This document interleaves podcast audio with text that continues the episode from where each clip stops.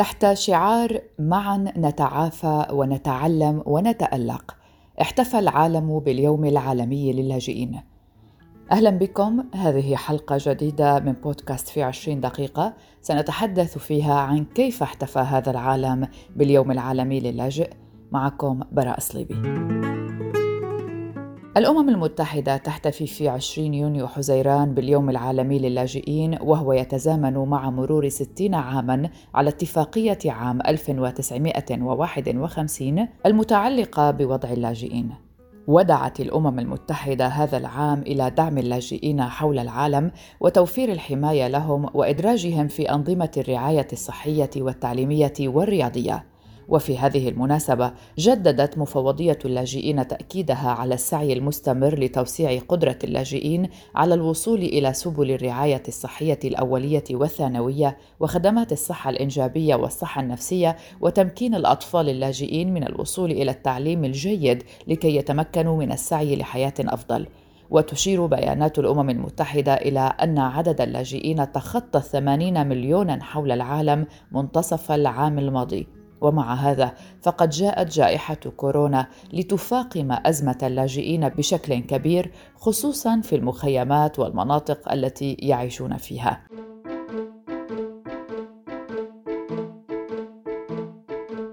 بمناسبة اليوم العالمي للاجئين، الأمين العام للأمم المتحدة أنطونيو غوتيريش قال في رسالته: War, violence and persecution have forced more than 80 million people around the world to flee their homes, leaving everything behind to save themselves and their families. Refugees must begin their lives anew. But for so many, the pandemic has wiped out their livelihoods, led to stigmatization and vilification, and exposed them disproportionately to the virus. At the same time, refugees once again. Guterres قال: لقد أجبرت الحرب والعنف والاضطهاد أكثر من 80 مليون شخص حول العالم على الفرار من ديارهم تاركين وراءهم كل شيء لإنقاذ أنفسهم وأسرهم. يجب على اللاجئين أن يبدأوا حياتهم من جديد.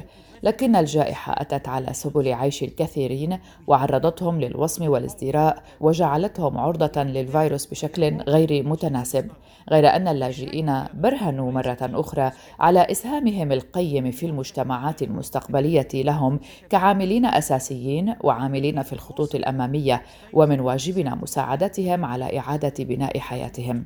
أدعو المجتمعات والحكومات إلى إشراك اللاجئين في الرعاية الصحية والتعليم والرياضة، فنحن نتعافى جميعا عندما نحصل كلنا على الرعاية التي نحتاجها، ونتعلم جميعا عندما تعطى لنا كلنا فرصة للدراسة ونتعلم جميعا عندما نلعب كفريق واحد ونحترم الجميع.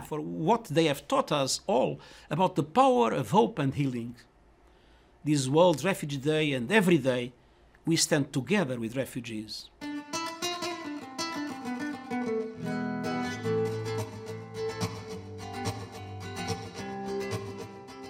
قلب أزرق اللون تحتضنه يدان.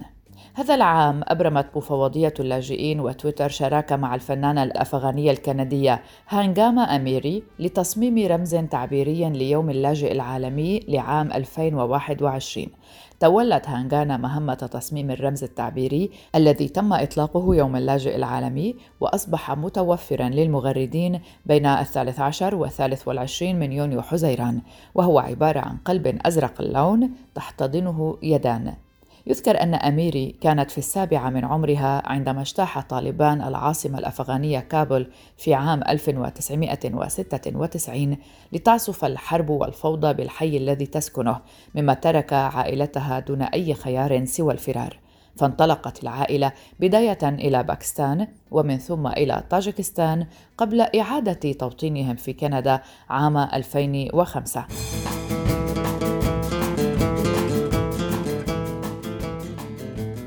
أيضا بمناسبة اليوم العالمي للاجئ أو يوم اللاجئين تعهد الرئيس الأمريكي جو بايدن بالتزام الولايات المتحدة الأخلاقي بضمان حصول اللاجئين على الرعاية المنقذة للحياة وسبل العيش الكريمه حيث قال بايدن بمناسبة اليوم العالمي للاجئين في بيان أصدره البيت الأبيض الأحد الماضي إنه اليوم الذي نعترف فيه بشجاعة وإنسانية الملايين الذين أجبروا على الفرار من العنف والاضطهاد والحرب.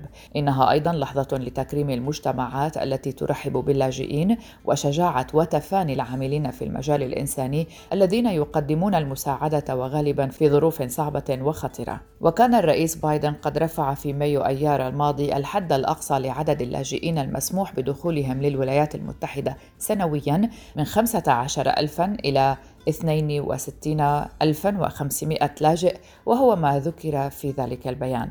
وقال بايدن إنه يخطط لرفع العدد إلى 125 ألف لاجئ في العام المقبل مؤكدا أن تحقيق هذا الهدف سيكون تحديا. وقال أيضا بأنه وجه إدارته للعمل بأسرع ما يمكن لإعادة بناء وتحسين معالجة اللاجئين وتوسيع قدرتهم على قبول اللاجئين فهم بحاجة إلى أن يكونوا قدوة. وسيستمر اللاجئون الذين يصلون إلى شواطئ أمريكا في تقوية مجتمعات أمريكا كما فعلوا دائما بالإضافة إلى جلب حياة وطاقة وأفكار جديدة إلى هذا البلد.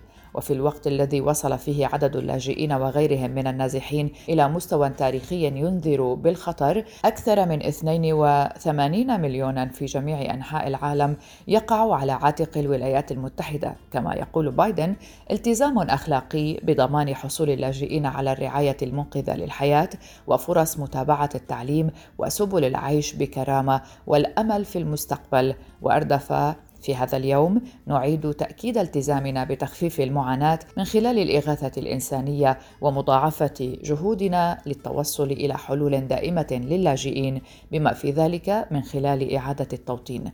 وأشار الرئيس الأمريكي إلى الالتزام بالمشاركة في الجهود الدبلوماسية لوضع حد للصراعات المستمرة التي تجبر اللاجئين على البحث عن الاماكن في مكان آخر.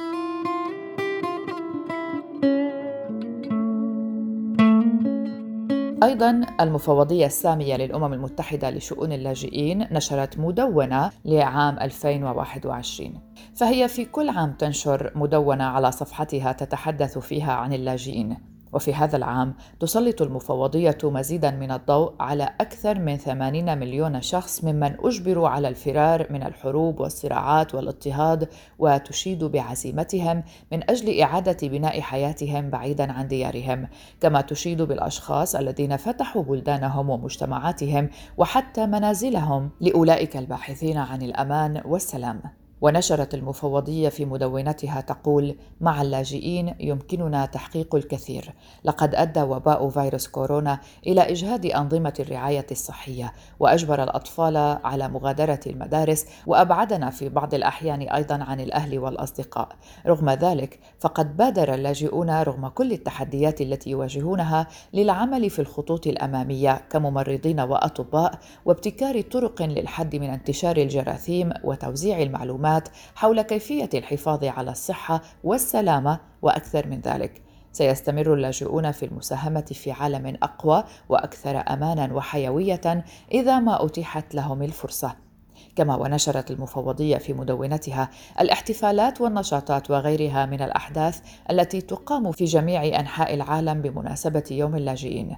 سنذكر هنا بعض هذه النشاطات في عدد من مناطق العالم وذلك بحسب مدونة المفوضية. نبدأ مع النجمة العالمية أنجلينا جولي والتي وبرفقة وزير خارجية بوركينا فاسو ألفا باري حضرت المبعوثة الخاصة لمفوضية الأمم المتحدة لشؤون اللاجئين أنجلينا جولي يوم الأحد 20 يونيو حضرت إلى مخيم غوديبو في جمال شرق بوركينا فاسو لتقديم الدعم لآلاف اللاجئين الماليين المقيمين فيه وقالت جولي بعد زيارتها لهذا المخيم الواسع Today, one in 95 people are forcibly displaced. 1% of humanity. And the numbers are rising.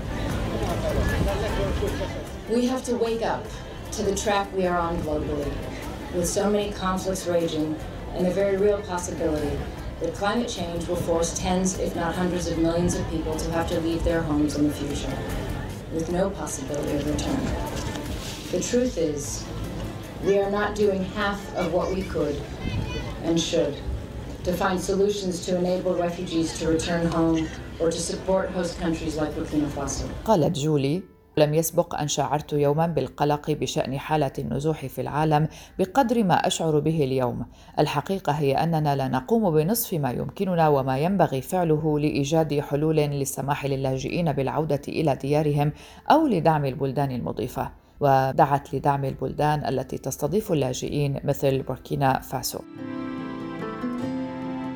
يذكر أنه في مارس آذار 2020 وبعد هجوم جديد استهدف المركز الأمني لهذا المخيم الذي كان يأوي ما يصل إلى تسعة آلاف لاجئ اضطر اللاجئون الذين بقوا فيه بعد هجمات سابقة إلى الفرار بدورهم أيضا ما تسبب في إغلاق جوديبو. لكن منذ ديسمبر كانون الأول عام 2020 أعادت السلطات ومفوضية الأمم المتحدة أعادت اللاجئين إلى هذا المخيم بعد تعزيز النظام الأمني من خلال نشر عسكريين إضافيين وتسيير مزيد من الدوريات.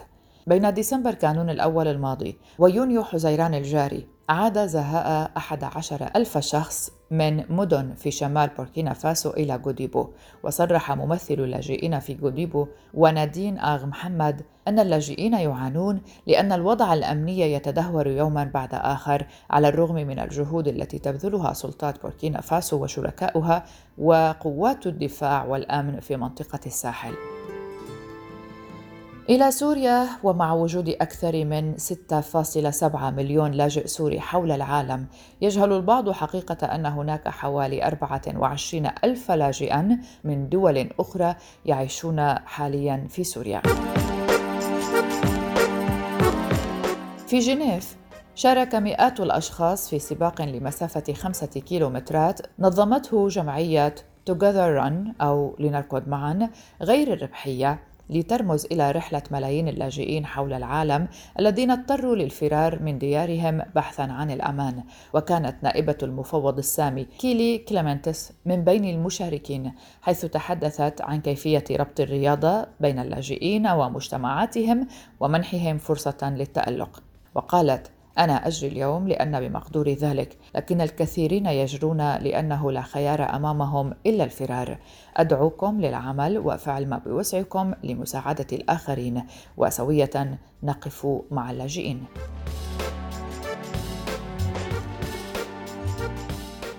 في غانا اللاجئة الإيفوارية أوريلي كواسي تحب كرة القدم لكنها تصارع من أجل العثور على فتيات أخريات يشاركنها شغفها في مخيم إيجي كروم في غانا.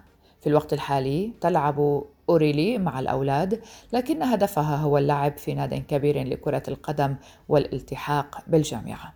هذه قصة واحدة من غانا لكن أكيد القصص كثيرة.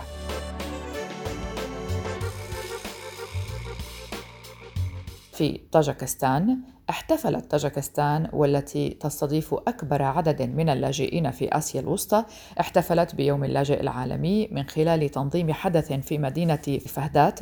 تم خلالها التبرع بمعدات رياضية للمدارس التي حضرها اللاجئون والسكان المحليون وقد أظهر التلاميذ تقديرهم من خلال تقديم عرض في التايكوندو في روما في إيطاليا تضمنت أنشطة يوم اللاجئ العالمي هذا العام مهرجانا للتوعية وهو يهدف إلى تعزيز إدراج اللاجئين والمهاجرين في الأنشطة الرياضية وقد اجتمع أكثر من 100 شاب تتراوح أعمارهم بين 16 و 26 عاما للعب كرة القدم والاحتفال بهذه المناسبة.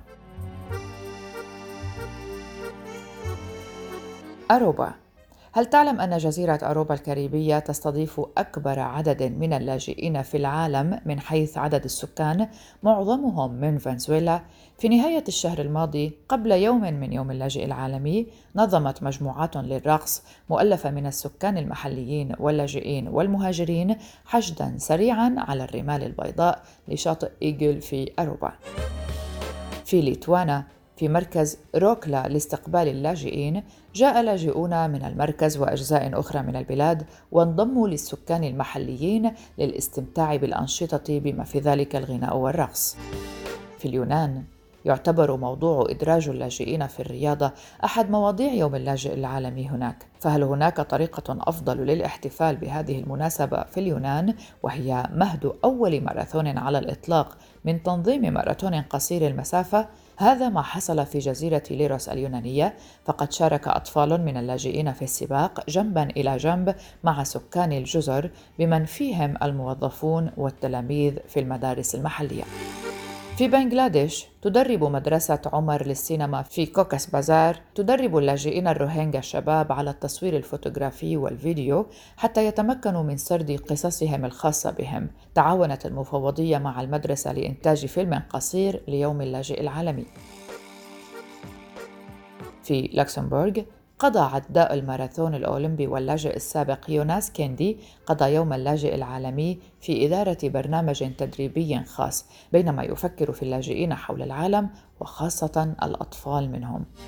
في لندن المملكة المتحدة في مقابلة مع رويترز بمناسبة يوم اللاجئ العالمي قالت الممثلة وسفيرة النوايا الحسنة كيت بلانشيت إن حالة عدم اليقين التي يواجهها الكثير منا خلال وباء فيروس كورونا كانت بمثابة واقع بالنسبة لمعظم اللاجئين في كل عام وحثت الجمهور على التفكير في أهمية وجود عالم أكثر أمانا وإنسانية وشمولية.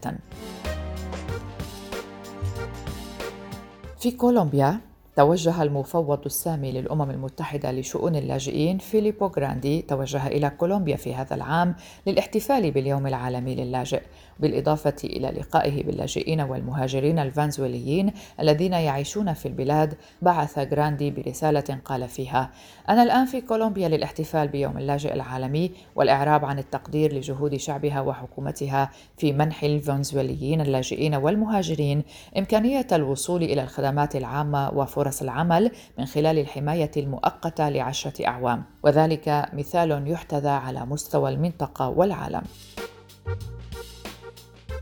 كامبالا أوغندا.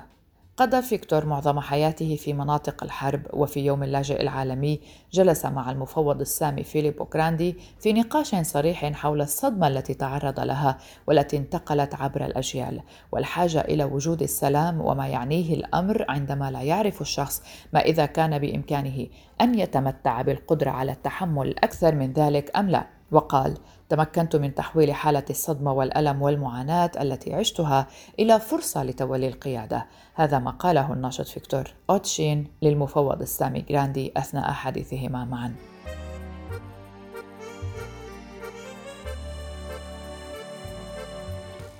في بانكوك في تايلاند تحرك قارب وهو الأول الذي يبحر بفخر أمام معبد وات آرون في تايلاند وذلك ليوم اللاجئ العالمي. عله يذكر الجميع بأهمية التضامن.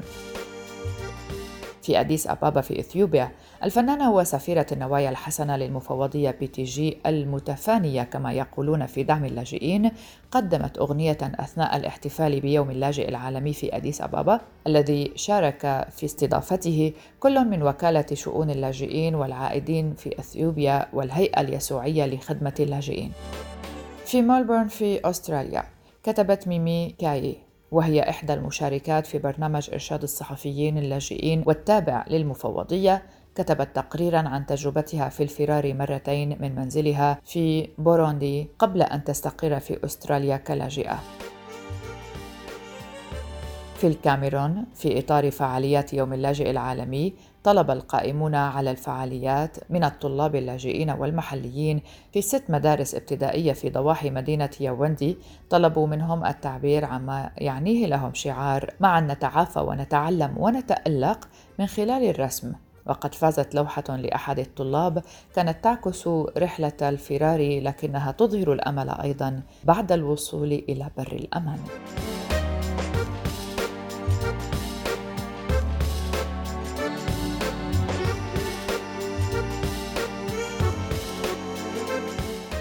هذه كانت حلقة من بودكاست في عشرين دقيقة. شاركتني في الإعداد زميلتي وصديقتي الصحفية يلا فهد. كنت معكم براء صليبي شكرا لكم. إلى اللقاء.